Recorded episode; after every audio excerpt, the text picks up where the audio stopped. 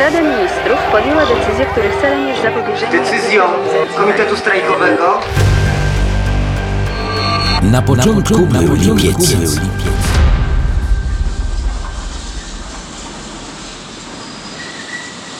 17 lipca był jednym z najbardziej niespokojnych dni 1980 roku na Lubelszczyźnie. Strajkował już cały lubelski węzeł kolejowy, około 2000 ludzi.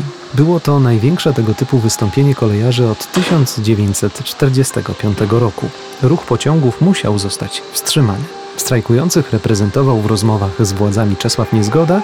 W organizacji strajku pomagali mu również m.in. Zbigniew Figiel, Marek Kowalski, Stanisław Krzemiński i Janusz Iwaszko. Po południu władze nie wykonały żadnego ruchu w kierunku uznania postulatów załogi. Protest więc uległ zaostrzeniu.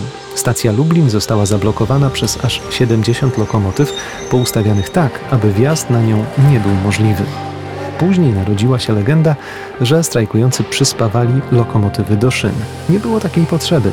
Same w sobie stanowiły przeszkodę nie do pokonania. Załoga wiedziała, jak wiele ryzykuje i zorganizowała służbę ochrony zakładu, spodziewając się prowokacji ze strony SB bądź jej tajnych współpracowników na terenie zakładu. Warunki pracy i życia pogorszyły się jednak tak dalece, że mało kto już wierzył w inne wyjście prócz strajku. Zresztą działał przykład innych zakładów, gdzie podwyżki wywalczono. Prasa, nadal z uporem maniaka, pomijała tak brzemienne w skutki wydarzenia i starała się za wszelką cenę umoralniać czytelników, jednocześnie usprawiedliwiając władzę. Kurier Lubelski, 17 lipca 1980 roku. Artykuł o tytule Więcej w koszyku. Niemało ludzi jest skłonnych ocenić sytuację wyłącznie poprzez pryzmat tego, ile artykułów przyniesie w koszyku swych codziennych zakupów. Ale czy tylko takimi kategoriami możemy dziś rozumować? Znane wszystkim są niedostatki i napięcia panujące obecnie na naszym rynku. Tej sytuacji jest rzeczą oczywistą, iż wzrosły ostatnio koszty utrzymania i ponadto nie możemy od razu wyrównać powstałych przy tym dysproporcji przez masowe podwyżki płac. Nikt tego nie ukrywa. Czy jednak możemy myśleć tylko o swoich potrzebach? Musimy wszyscy, jako obywatele i gospodarze, spojrzeć na sprawy szerzej, ogarnąć całokształt sytuacji Droga do bardziej generalnej i naprawdę odczuwalnej poprawy wiedzie poprzez lepszą, bardziej wydajną pracę, oszczędność, mądrą, świadomą dyscyplinę.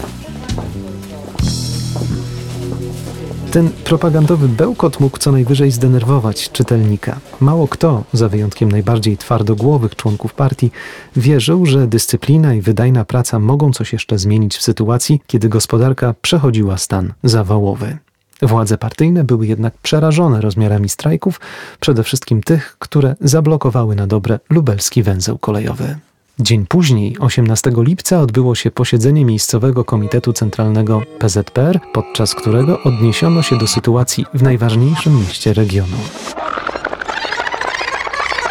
Biuro Polityczne wyraziło głębokie zaniepokojenie przestojami w zakładach produkcyjnych i komunalnych oraz w lubelskim węźle kolejowym, a także ogólną sytuacją w mieście.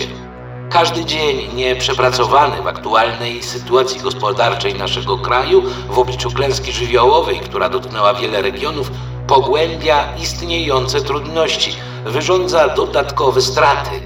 Jest więc obowiązkiem wszystkich patriotów, partyjnych i bezpartyjnych, przemyśleć głęboko sytuację i zgodnie z najlepiej pojętym dobrem ojczyzny Biuro Polityczne zwraca się z apelem do załóg lubelskich zakładów pracy i do społeczeństwa Lublina o przywrócenie ładu i normalnego rytmu pracy. Niezbędna jest powszechna dbałość o wydajność pracy, oszczędność materiałów i energii, obniżenie kosztów wytwarzania, słowem aktywny współudział w zwiększaniu gospodarności.